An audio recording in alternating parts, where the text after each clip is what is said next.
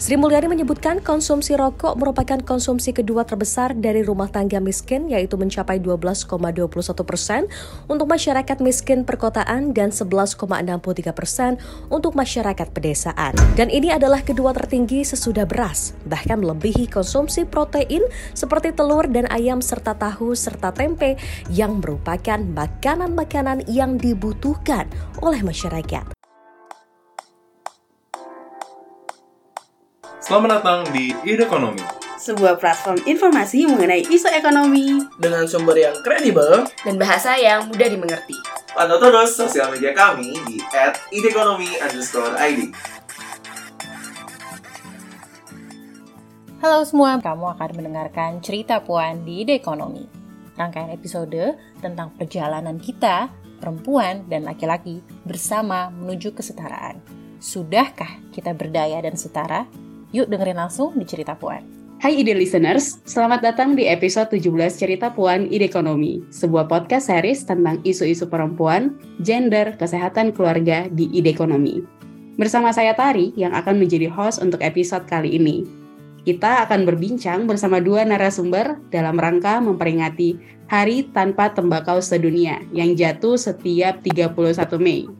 Setiap 31 Mei diperingati sebagai World No Tobacco Day atau Hari Tanpa eh, Tembakau Sedunia, di mana hari ini disepakati secara global untuk mengedukasi dampak negatif rokok, tidak hanya pada kesehatan perokok aktif, namun juga perokok pasif. Tidak terkecuali anak. Beberapa studi juga menemukan bahwa rokok berdampak pada kesejahteraan keluarga, di mana kesejahteraan keluarga merupakan fokus dari cerita Puan Ide Ekonomi. Perbincangan kita akan menarik banget hari ini, karena yang akan sharing hari ini adalah dua orang yang memang meneliti tentang salah satu salah satu penelitian mereka adalah implementasi tobacco control policies dengan studi kasus di Indonesia dan Thailand. Nah, untuk narasumber yang pertama saya ingin mengundang Dr. Reni Nurhasana. Ibu Reni adalah dosen Sekolah Kajian Strategik dan Global dan peneliti Pusat Kajian Jaminan Sosial Universitas Indonesia. Halo Ibu Reni, terima kasih sudah bergabung. Ya, makasih. Selamat pagi. Selamat pagi, Bu. Dan narasumber yang kedua adalah Mas Faisal Muiz. Mas Faisal Muiz ini adalah teman main saya di New York yang saat ini juga sedang menempuh studi. Mas Faisal Muiz merupakan MA kandidat di New York University. Sebelumnya berkarir sebagai peneliti di Lembaga Penyelidikan Ekonomi dan Masyarakat atau LPM FEB UI. Hai Mas Faisal, terima kasih sudah mau diundang di Ide Ekonomi. Halo Mbak Tari, terima kasih juga sudah diundang. Ya, senang sekali di sini kita sudah bergabung dengan pakar-pakar yang memang sudah banyak meriset soal kesehatan dan juga kaitannya pada perekonomian dan juga bukan hanya riset tapi juga mencoba untuk mengadvokasi betapa pentingnya isu ini. Nah, ide listeners, kita langsung ke topik saja. Jadi pada tahun 2021 ada survei tentang Global Adult Tobacco Survey yang menyatakan bahwa jumlah perokok di Indonesia itu sekitar 70,2 juta jiwa. Ini secara nominal angkanya besar sekali dan yang lebih parah lagi adalah dalam 10 tahun terakhir angka ini terus meningkat. Menteri Keuangan kita, Ibu Sri Mulyani pernah bilang bahwa pengeluaran rumah tangga untuk konsumsi rokok tertinggi uh, kedua setelah beras. Jadi ini bahkan lebih tinggi dari kebutuhan pokok lainnya. Jadi kebayang ya, sembako ada berapa banyak tapi ternyata sehabis beras ada rokok. Jadi pengeluaran untuk rokok sangat-sangat besar. Nah, melihat kondisi ini, saya mau bertanya kepada Ibu Reni terlebih dahulu. Kenapa sih Bu konsumsi rokok di Indonesia itu termasuk tinggi dibandingkan mungkin negara lain di kawasan atau mungkin di antara sesama negara berkembang? Ya, makasih Mbak Tari atas pertanyaannya. Jadi jawabannya itu ada banyak yang mendasari hal tersebut ya. Yang pertama, harga rokok masih murah, sangat murah di Indonesia. Masih terjangkau di kantongnya pelajar, remaja, dan bahkan yang dewasanya juga masih terjangkau. Yang kedua, rokok masih bisa dibeli secara batangan atau ketengan secara bebas di mana-mana itu bisa kita beli dan larangan membeli untuk di bawah umur ini belum ditegakkan. Pada aturannya memang tidak boleh dibeli untuk yang usianya di bawah 18 tahun. Tapi pada prakteknya bukti misalnya KTP atau identitas lainnya itu tidak diminta. Bahkan masih banyak anak-anak yang membeli rokok untuk orang tuanya. Nah, itu ya kenapa konsumsi rokok di Indonesia itu termasuk tinggi. Yang ketiga, rokok ini masih dianggap normal pemakaiannya. Jadi masih banyak orang yang merokok di tempat umum. Hmm. Bahkan masih banyak orang merokok di kendaraan umum, tempat rekreasi yang banyak anak kecilnya.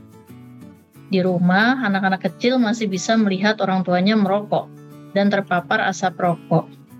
Karena itu, anak-anak melihat produk ini biasa-biasa saja, bukan barang yang berdampak negatif. Nah, alasan keempat, iklan rokok itu masih banyak di televisi, di jalan raya, ini masih banyak bisa kita lihat, di, dinikmati oleh publik, baik itu iklan, promosi, dan sponsorship yang tujuannya ini mereka ingin mengajak pembelinya untuk mengkonsumsi rokok lebih banyak ya. Sehingga yang terpengaruh karena tadi adanya di ruang publik, maka semua kalangan termasuk anak-anak yang di bawah umur itu terpengaruh untuk melihat bahwa produk ini merupakan barang yang normal atau biasa-biasa saja. Nah, alasan yang terakhir mengapa konsumsi rokok di Indonesia masih termasuk tinggi, karena sebenarnya dari sisi pemerintahnya konsumsi rokok ini sedang dalam proses untuk dikendalikan dengan strategi yang multisektor untuk menurunkan prevalensi perokok di Indonesia.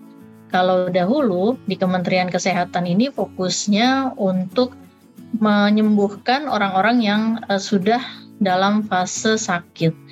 Misalnya sudah stroke, sudah kanker, nah itu disembuhkan. Tetapi konsep pencegahannya itu tidak ada.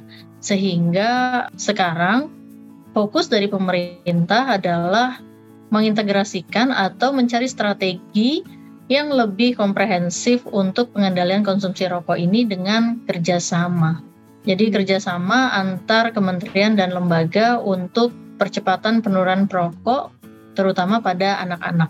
I see. Saya follow up sedikit Bu dari pernyataan tersebut untuk bagian strategi pencegahannya ini yang memimpin kerjasamanya apakah tetap dari Kementerian Kesehatan atau justru karena ini mau dicegah dari kaum anak-anaknya yang melit jadinya Kementerian Anak?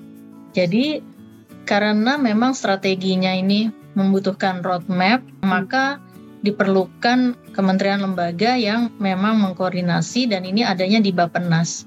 Oh, Bapenas membuat roadmap pengendalian konsumsi rokok dengan melibatkan kementerian-kementerian yang lain, baik itu yang uh, mempunyai dampak ya atau terkena dampak dari produk ini seperti Kementerian KPPPA, Kementerian Kesehatan, lalu ada juga Kementerian Pendidikan yang terkait dengan IPS atau iklan promosi dan sponsorship, Kementerian Teknologi dan Informasi, Lalu yang, yang lain adalah yang terkait dengan industri rokok itu sendiri. Karena kan industri rokok juga menaungi banyak pekerja. Jadi pekerja ini juga harus dilindungi hak-haknya. Lalu ada juga petani. Jadi Kementerian Pertanian ini juga perlu kita pikirkan bagaimana kesejahteraan petani uh, ke depannya dengan adanya pengendalian konsumsi rokok ini yang pastinya akan sedikit banyak terdampak ya. Jadi semuanya diatur melalui roadmap yang diformulasikan oleh Bapenas. I see. Jadi dari pertanyaan pertama aja kita udah kayak kebayang ya betapa kompleksnya sebenarnya isu ini dan rokok dan kesehatan. Jadi banyak sekali stakeholdernya, pemangku kepentingannya dan masing-masing punya interestnya masing-masing.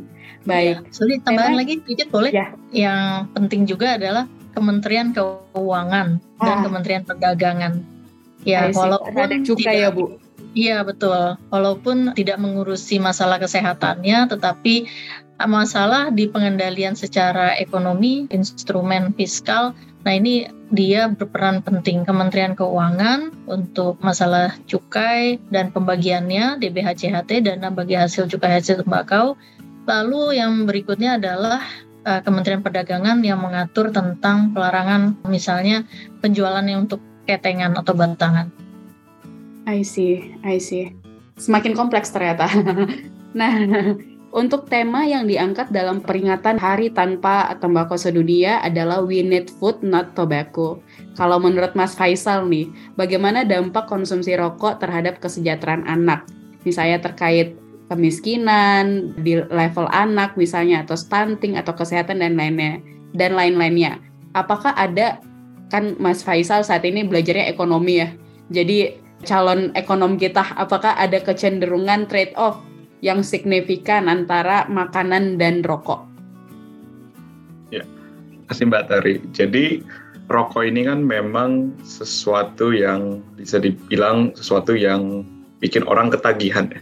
Jadi ketika orang sudah ketagihan dengan misalnya terekspos dengan rokok dan menjadi ketagihan, itu tiba-tiba sebuah barang yang mungkin tadinya bukan bukan barang yang primer yang penting ya, seperti makanan atau apa, tiba-tiba dia dia harus jadi pengeluaran yang sangat penting untuk rumah tangga gitu. Jadi akhirnya rokok itu sendiri menjadi satu komponen yang harus dikeluarkan untuk pengeluaran rumah tangga gitu. Jadi akhirnya ketika misalkan kita udah harus ada rokok, akhirnya barang-barang yang lain kita harus kurangin. Jadi misalnya makanan harus dikurangin, hmm. misalnya susu bayi yang tadinya butuh berapa ini dikurangin juga. Jadi itulah salah satu uh, efek ya bisa dikatakan sebagai trade off atau tadi atau bahasa lain juga adalah crowding out. Jadi si pengeluaran rokok ini menyingkirkan menyingkirkan pengeluaran lain karena tadi udah sebuah ketagihan jadi dia harus dikonsumsi dan akhirnya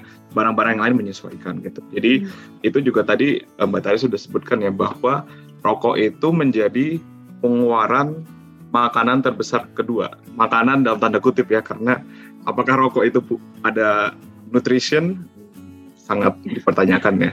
Hmm. Jadi memang dia adalah komponen kedua terbesar dalam uh, makanan ya, secara perhitungan gitu. Jadi kalau misalnya saya lihat dari data terbaru tahun 2022 itu pengeluaran dari seluruh pengeluaran total rumah tangga itu 12% dipakai untuk uh, rokok rokok dan tembakau ya seperti itu. Jadi perumpamaan kita punya pendapatan satu juta 12 120 ribu itu 120 ribu dipakai untuk rokok seperti itu. Jadi 120 ribu course kita bisa makan mungkin kalau kita makan di warteg itu bisa makan kalau misalnya sekali makan 15 ribu at least hampir 10 kali gitu. Jadi itu kalau misalkan on average ya, atau secara rata-rata. Kalau misalkan kita butuh rokoknya lebih banyak lagi, berarti akan semakin banyak pengeluaran-pengeluaran yang tersingkir seperti itu.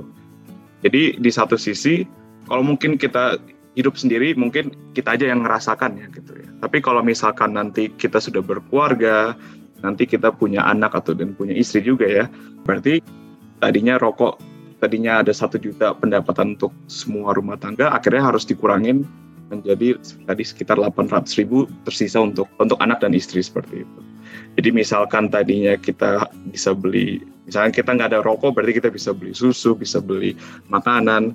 Nah akhirnya pengeluaran-pengeluaran itu tidak tidak bisa tidak dikeluarkan ya seperti itu ya. Jadi akhirnya yang nanti dampaknya adalah dampaknya tadi bukan cuma ke diri sendiri, nanti dampaknya juga ke istri, ke keluarga, istri dan anak gitu ya. Jadi dan masalahnya adalah ketika anak-anak itu juga masih dalam perkembangan ya itu sangat penting untuk mendapatkan nutrisi-nutrisi penting. Jadi kalau misalkan tadi rokok itu menyingkirkan uh, konsumsi-konsumsi penting, akhirnya si anak tidak mendapatkan nutrisi yang harusnya didapatkan dan akhirnya mengalami malnutrisi. Jadi misalnya salah satu yang kita lakukan penelitian adalah bagaimana hubungan antara rokok dan stunting seperti itu. Jadi salah satu yang kita temukan memang rokok ini sangat terkait dengan stunting gitu. Jadi karena tadi pengeluaran makanannya dia Eh, berkurang, nutrisi anaknya berkurang, akhirnya anak mengalami stunting dan juga ada efek secara langsung juga karena karena orang anak terpapar rokok dia juga mengalami permasalahan pertumbuhan. Jadi double efeknya. Jadi hmm. ada yang secara langsung yaitu melalui rokok, yang enggak, yang secara tidak langsung adalah melalui uh, pengeluaran konsumsi. Jadi benar apa yang dikatakan bahwa uh, we need uh, food, not um, tobacco. Seperti not tobacco, ya. Menarik sekali sih ini tadi Mas Faisal udah mention soal uh, isu stunting ya. Jadi dampaknya kesejahteraan anak ada yang dampak langsung dan juga ada dampak tidak langsung. Ngomongin soal stunting itu sendiri, prevalensi stunting di Indonesia itu kan sebenarnya turun ya dari 24,4 persen waktu tahun 2021 di tahun 2022 menjadi 21,6 persen. Tapi sebenarnya walaupun uh, turun ini sesuatu yang kita apresiasi juga namun sebenarnya angka ini tuh masih jauh dari target targetnya Indonesia pemerintah Indonesia yang adalah 14% di tahun 2024 yang adalah tahun depan jadi sisa satu semester lagi nih menuju pencapaian target 14%, tapi PR-nya masih banyak. Nah, saya ingin bertanya kepada Ibu Reni sebagai pakar kesehatan masyarakat perkotaan, Bu. Bagaimana Ibu Reni melihat ini? Apakah tadi juga Ibu sempat mention soal kebijakan dari pemerintah Indonesia ya, salah satunya cukai, rokok. Apakah kebijakan cukai rokok sudah efektif terhadap prevalensi stunting, Bu? Iya. Nah, pemerintah sebenarnya bisa melakukan kebijakan melalui kenaikan cukai rokok ini untuk mendapatkan dua bonusnya. Yang pertama, untuk menurunkan prevalensi perokok. Itu yang pertama. Hmm. Karena itu udah banyak studinya ya. Jadi di Thailand, di Filipina itu mereka menggunakan cukai rokok untuk instrumen kebijakan menurunkan prevalensi perokok. Yang kedua, jika memang prevalensi perokok itu berhasil diturunkan, maka secara paralel akan memberikan penurunan kepada uh, prevalensi stunting. Nah, kenapa bisa gitu? Karena tadi hal-hal yang sudah dijelaskan oleh Mas Faisal. Yang pertama, ketika prevalensi perokoknya turun ya, perokok itu mulai menggunakan uangnya untuk membeli makanan, minuman yang bergizi untuk anak-anaknya. Nah, di situlah stunting itu mulai tereliminasi. Ya, yang pertama. Yang kedua, ketika perokoknya itu sudah berhenti merokok, maka anak-anak tidak terpapar oleh asap rokok. Jadi ya itu bonusnya double. Jadi pemerintah yang memang waktunya sudah mepet untuk mencapai target 14% ya di tahun 2024 seharusnya masih bisa melakukan hal-hal lain yang menjadi alternatif kebijakan untuk menambah penurunan prevalensi stunting dengan lebih cepat. Karena sudah sangat jelas itu hubungannya ya. Kalau kita bisa lakukan kebijakan ini, maka dua bonus tadi yang menjadi hasilnya. Penurunan prevalensi perokok dan juga penurunan prevalensi stunting. Nah, menaikkan cukai rokok ini juga harus ditemani dengan serangkaian pengendalian lain yang komprehensif. Jadi nggak hanya kenaikan cukai rokok yang akan menaikkan harga, tapi juga mengeliminasi iklan, promosi, sponsorship, atau yang tadi itu melarang penjualan secara ketengan. Jadi memang penurunan prevalensi rokok itu tidak bisa uh, hanya satu instrumen ya. Kalau di WHO dianjurkan untuk melakukan banyak hal ya, empower ya dan itu ada kepanjangannya masing-masing ya misalnya M itu apa monitor monitor dari berapa sih angka dari perokok di Indonesia itu selalu dimonitor lalu yang lain-lainnya nanti akan saya jelaskan lebih lanjut Nah, di analogi cukai dan konsumsi rokok ya. Oh, Oke. Okay. Takut kepanjangan. Okay. Nah. Hmm. Bu, ini kalau boleh Bu, ini penasaran aja sih. Kalau misalnya kan kebijakan cukai rokok sebenarnya tadi udah ada channelnya bagaimana itu bisa mengurangi uh, terhadap prevalensi stunting dan bonus-bonus apa yang bisa dicapai. Ini ini pertanyaan tiba-tiba muncul di kepala saya aja sih Bu. Mungkin kalau bisa kalau bisa dijawab saya bersyukur, tapi kalau enggak juga enggak apa-apa. Tapi kalau misalnya kita naikin cukai rokok, itu kan harga jadi makin mahal ya Bu. Itu berarti dari industrinya gimana Bu? karena kan berarti barang jualan mereka jadi ya makin sulit dibeli sama target marketnya mereka. Kalau industrinya maksudnya dampak ke income mereka? Iya, ke penjualannya mereka. Ke penjualannya mereka. Kalau company-company rokok inilah bu. Oke okay, oke. Okay. Oh, saya kayaknya menangkapnya begini. Jadi hmm. kalau harga yang dinaikkan itu kalau harga naik kan demandnya turun ya? Iya. Nah itu kan yang diinginkan kan sebenarnya kan. Ya. Nah tapi sebenarnya mereka itu marginnya kan juga masih ada ya. Jadi hmm. mereka masih bisa punya profit Hmm. dikala memang margin mereka masih di setnya itu masih masih masuk ya ke harga jual mereka dan profitnya itu. Yang enak adalah ketika cukainya ditambahkan atau dinaikkan, fakta-fakta yang ada di Thailand itu menunjukkan harganya naik, prevalensi turun, income-nya untuk pemerintah atau pendapatan cukainya itu naik juga. Jadi win-win solution sebenarnya. Jadi dengan win-win solution ini sebenarnya eh, menaikkan cukai, lalu pemerintah itu mendapatkan pendapatan cukai untuk negara. Yang pertama, yang keduanya prevalensi perokoknya itu turun. Nah, itu win-win solution itu seperti itu. Dan industrinya tetap mengambil margin dari apa yang ada di harganya tersebut ya. Gitu. Jadi Hmm. kalau kita lihat dari laporan keuangannya industri itu juga masih eh, bagus terus ya ininya. Mereka masih melaporkan profit ya. I see, I see. Oke. Terima kasih Bu Reni. Kalau kita sekarang beralih ke sisi regulasi, Mas Faisal sebagai ekonom atau aspiring economist nih, bagaimana regulasi yang ada saat ini untuk menekan konsumsi rokok di Indonesia? Kan Mas Faisal sering belajar soal interventionnya, apa ngasih insentifnya apa? Apakah itu sudah tercapture dalam regulasi terkait rokok saat ini? Iya, rokok ini sebenarnya aturannya agak sedikit kompleks sebenarnya. Jadi kalau misalnya mau dilihat dari kacamata besar ya, ada aturan di level global, ada aturan di level nasional masing-masing negara, dan ada juga aturan di level daerah seperti itu.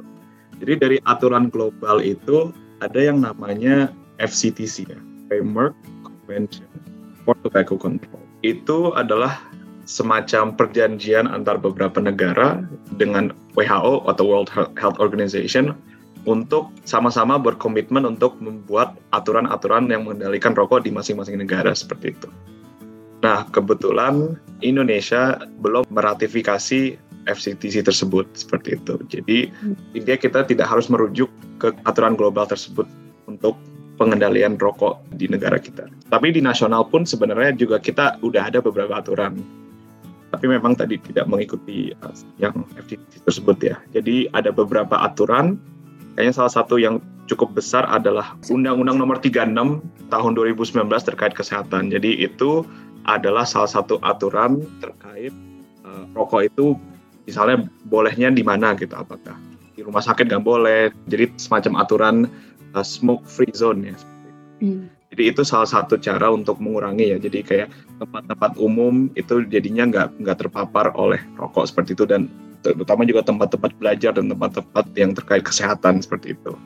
Kemudian juga sudah ada beberapa aturan terkait untuk pengiklanan gitu. Jadi ada jam-jam tayang tertentu ya. Jadi kalau misalkan eh, teman-teman masih suka nonton TV, itu iklan-iklan rokok baru muncul mungkin jam 9, jam 10 malam ya gitu. Jadi pas misalnya lagi nonton acara malam. Jadi dia berusaha untuk biar tidak anak-anak nggak nggak nonton gitu ya. Jadi dibuatnya lebih malam seperti itu untuk uh, broadcasting broadcastingnya seperti itu.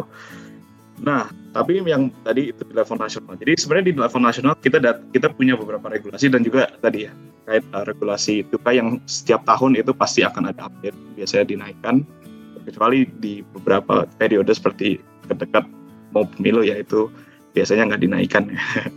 Jadi ada aturan terkait cukai. Jadi kita udah ada data terkait larangan ngerokok di mana terkait broadcasting dan tadi terkait cukai. Nah, cuman masalahnya adalah regulasi dari yang tadi larangan rokok itu sebenarnya di dalam undang-undangnya itu diserahkan kepada uh, daerah seperti itu.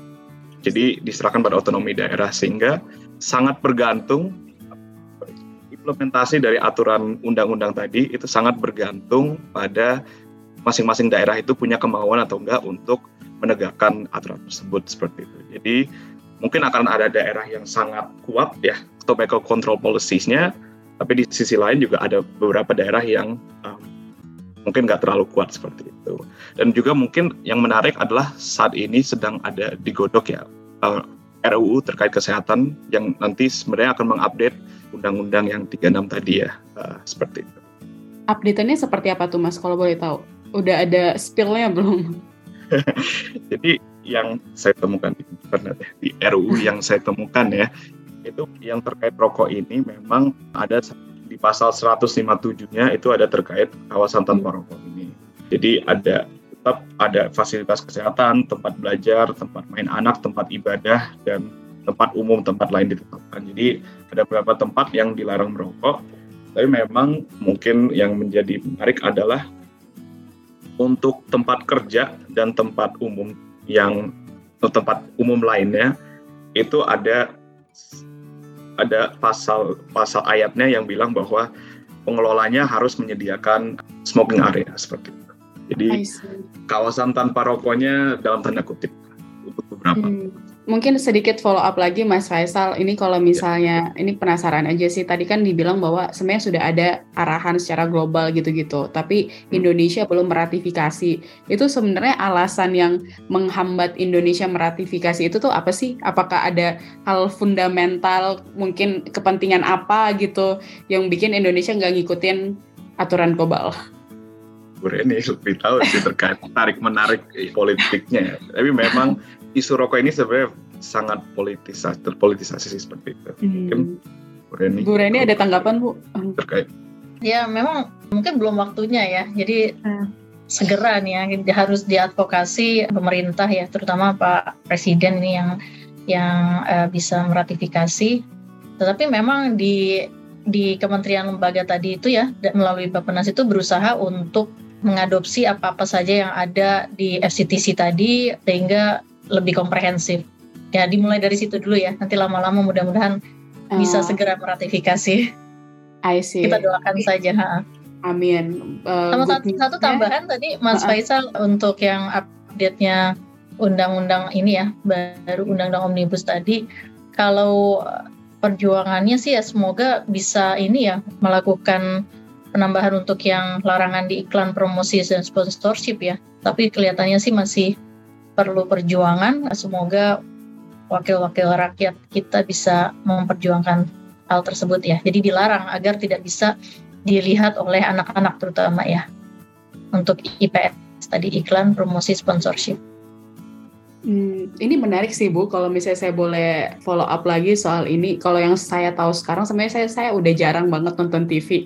Cuman yang ada di terakhir saya lihat, sepertinya kan emang kalau iklan-iklan soal rokok itu mereka tidak pernah menyebutkan ayo merokok gitu kan, ayo beli rokok itu tidak pernah. Tapi yang menarik adalah iklan-iklan ini tuh sungguh cool banget gitu istilahnya.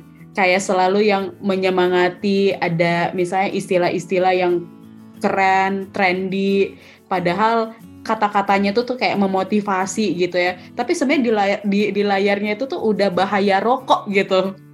Jadi kan itu dan tidak pernah ada kayak ajakan ayo merokok. Jadi kalau misalnya di undang-undang misalnya omnibus kesehatan mau diubah lagi, mau, mau menambah misalnya intervensi di sisi iklan, itu seperti apa lagi sih Bu harusnya?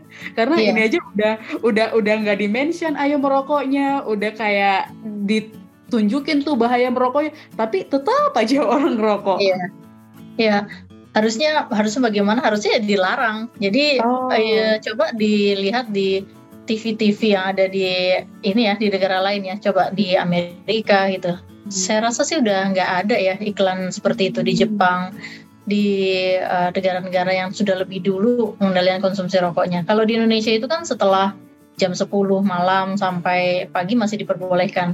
Nah tapi sebenarnya kalau masih diperbolehkan seperti itu dengan dengan konten yang sebaliknya tadi kan. Berarti kan positif kan tadi kontennya. Padahal produknya yeah. kan ada dampak negatifnya. Yeah. berarti malah iklannya itu memberikan kesannya itu sebaliknya dong. Artinya kesannya yeah. malah positif. Jadi anak-anak malah semakin tertarik untuk mencoba-coba. Jadi edukasi itu belum bisa edukasi iklan ya dari iklannya belum bisa diterima secara baik oleh anak-anak gitu. Jadi dilihatnya oh ini produknya masih baik-baik saja walaupun memang ketentuannya demikian. Ketentuannya kan tidak boleh mengiklankan produknya atau yang ter, langsung terkait dengan produknya seperti itu. Tetapi akhirnya malah memberikan yang yang positif-positif padahal nanti dampaknya negatif. Jadi ya. kalau saya malah bingung ngelihat iklannya Yeah. Tapi sudah dikasih peringatan pun juga di labelnya ya, di label produk rokok itu masih aja dikonsumsi. Kenapa? Ya karena karena addicted tadi itu seperti yang dibilang Mas Faisal, produk ini punya nikotin sehingga akan dikonsumsi terus menerus. Gitu. Nah, I see. Ini beneran ini sih Bu, seru banget sih Bu. Karena kita lagi ngomongin soal behavior atau perilaku manusia gitu ya. Nah, ini obrolan yang sangat seru buat saya pribadi juga. Tapi sayang sekali karena kita punya keterbatasan waktu di sini, kita sampai di penghujung episode cerita Puan. Biasanya untuk di akhir untuk menyederhanakan pemahaman pendengar ide listeners yang banyak juga backgroundnya mungkin bukan soal kesehatan, bukan soal ekonomi, tapi mereka mau paham soal betapa kompleksnya isu ini, kita mengakhiri dengan analogi Nah, analogi pertama ini saya mau tanyakan ke Ibu Reni, bagaimana hubungan antara cukai rokok dan konsumsi rokok ini sih? Seperti apa sih Bu? Ini hubungannya kalau diibaratkan apa gitu? Gimana Bu Reni? Iya, iya kalau saya mengibaratkan naiknya cukai rokok ini, ini akan mempengaruhi konsumsi rokoknya akan semakin menurun. Nah, seperti apa sih contohnya? Kita ibaratkan ke produk lain dulu ya, selain rokok. Ada alkohol, ada plastik, ada gula gitu ya. Mereka itu semuanya boleh dikonsumsi. Plastik pun juga boleh dikonsumsi ya, dipakai. Gula pun juga boleh dikonsumsi. Nah, tetapi kalau konsumsinya sudah berlebihan dan akan memberikan dampak ke masyarakat yang lebih besar, misalnya plastik mencemari lingkungan atau gula sudah membuat obesitas di masyarakat. Atau yang tadi ya, rokok sudah memberikan dampak penyakit yang besar di mana-mana atau kesejahteraan sudah terpengaruh. Alkohol memberikan dampak kekerasan di mana-mana. Nah, ketika sudah sampai eh, dampak yang seperti itu, maka pemerintah mempunyai kebijakan untuk mengendalikan konsumsinya. Nah, sehingga ketika cukainya dinaikkan, harga pun juga akan menyesuaikan naik. Ketika harganya sudah naik, demand-nya terhadap barang tersebut akan menurun atau terkendali sampai ke titik yang kita inginkan atau yang pembuat kebijakan inginkan. Misalnya, seperti di Thailand tahun 90-an, itu excise rate-nya atau cukainya itu 55% dan sekarang naik sampai ke titik 90%. Itu prevalensinya turun untuk perokoknya dari 32% menjadi 24%. Tadi datanya baru saya kutip ya. Dan pendapatan cukainya pun naik gitu. Nah, ini yang seneng siapa? Yang seneng ibu-ibu. Tadi kan disebutkan disebutkan ini adalah episode ya khusus untuk uh, puan gitu ya. Dan kenapa ibu-ibu yang senang? Karena uang belanjanya ibu-ibu ini tidak terambil banyak dari konsumsi rokok. Akan banyak orang-orang atau suami-suami yang memutuskan untuk ya udah deh stop aja deh harga rokok semakin mahal. Akhirnya stop merokok dan uangnya bisa digunakan untuk membeli produk yang penting lainnya, makanan, minuman, pendidikan, dan lain-lain. Nah, selain ibu-ibu, kita juga bisa bayangkan analoginya seperti ini mahasiswa yang jajannya sekitar 100 ribu per hari lah ya. Lumayan ya 100 ribu dapat uang beasiswa kuliahnya di Australia atau kuliahnya di Amerika. Nah, uang jajan 100 ribu itu ada di kantong buat makan siang atau buat makan malam. Tapi mau ngerokok juga di Australia harga satu bungkus rokok itu 400 ribu. Nah, ketika mau beli yang harganya segitu, itu mikir berpikir berulang-ulang.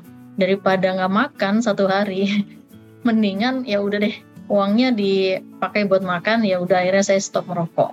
Nah begitu sih ininya analoginya. Jadi cukai akan menaikkan harga rokok dan kenaikan harga rokok yang signifikan dan juga tidak bisa dibeli secara ketengan ya. Tadi ada syarat lagi nggak bisa dibeli secara ketengan maka dampaknya adalah orang berpikir untuk beli rokok. Nah ketika orang sudah terpaksa untuk berhenti, maka dia akan mendapatkan semangat untuk berhenti lebih besar. Gitu. Dibandingkan masih ada iming-iming, ah rokok masih murah nih, jadi beli aja deh. Atau masih bisa beli ketengan nih. atau pinjam dulu masih bisa ngebon. Nah, itu akan semakin susah untuk berhenti. Sepertinya sih itu ya. Atau uh, riset kami yang lain ya. Jadi ada riset kami tentang perokok yang merupakan anak jalanan atau perokok yang juga merupakan remaja yang masih sekolah ya. Jadi ketika harganya naik dari 20.000 menjadi 40.000 dua kalinya, mereka akan berpikir dan batal untuk membeli. Anak-anak jalanan pun juga demikian. Pendapatan mereka itu berdasarkan riset kita ya di Jabodetabek itu antara 30.000 sampai 100.000 rupiah. Nah, ketika masih bisa dibeli secara ketengan, mereka masih bebas saja. Anak-anak jalanan ini beli satu dua batang. Tetapi kalau sudah dilarang pembelian secara ketengan dan juga sudah dinaikkan harganya, maka mereka akan berpikir berkali-kali. Nah, ini termasuk dari strateginya yang tadi dianjurkan oleh WHO melalui strategi Empower. I see. I see. Ini seru banget sih Bu. Ini ke, saya kebayang kalau misalnya saya agency gitu ya untuk bikin iklan saya akan kepake hashtag demi uang jajan. karena itu kan berarti uh, mungkin secara nominal pendapatan kita sama, tapi karena ada cukainya naik, jadi kita jadi males belinya. Jadi kita punya sisa duit untuk kita gunakan ke hal yang lain. Jadi hashtag atau tagar demi uang jajan. Oke. Okay. Berhenti merokok gitu ya? Ya. Berhenti merokok demi uang jajan buat belanja yeah. yang lain. nah, saya mau ke Mas Faisal. Kalau dari Mas Faisal analoginya gimana nih? Bagaimana menganalogikan konsumsi rokok dan kesejahteraan anak? Ya, jadi tadi seperti yang sudah dijelaskan konsumsi rokok itu melalui dua jalur ya jalur ya lewatnya jadi dia tadi ada dampak langsung ke anaknya karena dia terpapar asap rokok jadi mungkin sering sakit mungkin juga pertumbuhannya berkembangannya jadi melambat seperti itu. Dan juga ada dampak yang nggak langsung seperti melalui tadi seperti tadi yang dijelaskan pengeluaran rumah tangganya jadinya tersingkirkan. Makanan, nutrisi, uh, susu atau mungkin nanti kayak pendidikan juga mungkin tersingkirkan seperti itu. Sehingga uh, anak-anaknya jadi tidak bisa mungkin mencapai potensi yang seharusnya kalau misalkan dia misal keluarga tidak ada perokok seperti itu. Jadi uang tadi yang digunakan untuk rokok itu seperti itu ya membuang garam ke laut ya. Jadi sia-sia. Sia-sia ya. Sia-sia untuk uh, itu. Jadi kalau menurut saya kalau misalkan tadi uh, tidak merokok itu membuat anak menjadi sehat, tumbuh baik dan men membuat keluarga menjadi uh, harmonis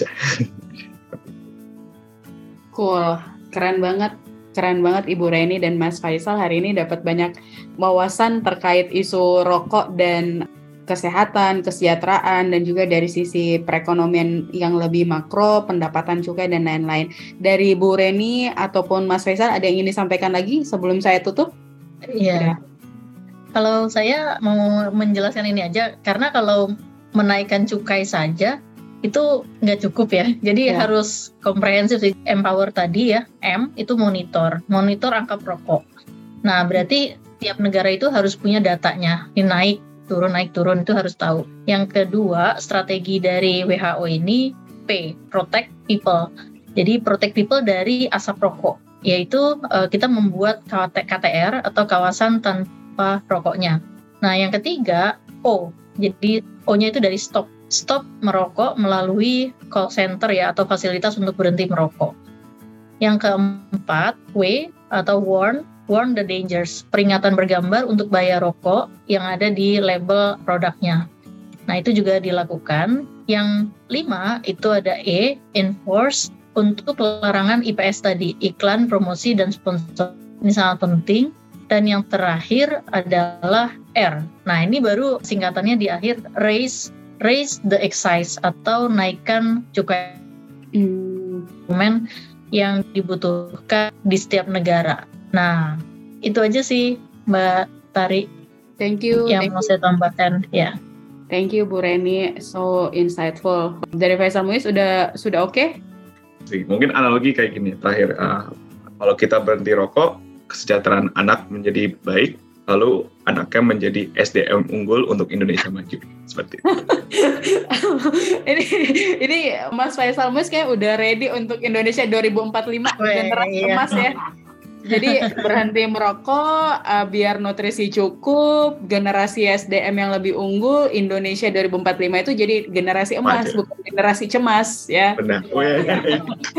Beda, beda satu huruf aja tapi beda-beda jauh tuh kualitasnya. Jadi ya ini saya saya melihat em, kondisi ini kan sangat kompleks tapi yang kita apresiasi karena udah ada advokasi eh, ke arah sana. Terima kasih juga buat Bu Reni dan teman-teman di tim yang sudah coba untuk angkat isu ini lebih biar awareness orang-orang juga lebih banyak dan juga semoga perjuangannya Bu Reni, Mas Faisal juga lewat dari sisi akademisnya, dari sisi risetnya berbuah manis dalam beberapa tahun ke depan.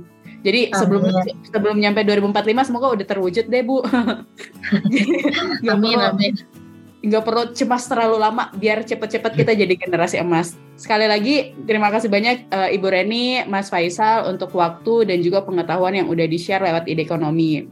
Ide listeners, demikian episode kali ini. Semoga eh, peringatan Hari Tanpa Tembakau Sedunia ini membuat kita lebih aware tentang bahaya rokok.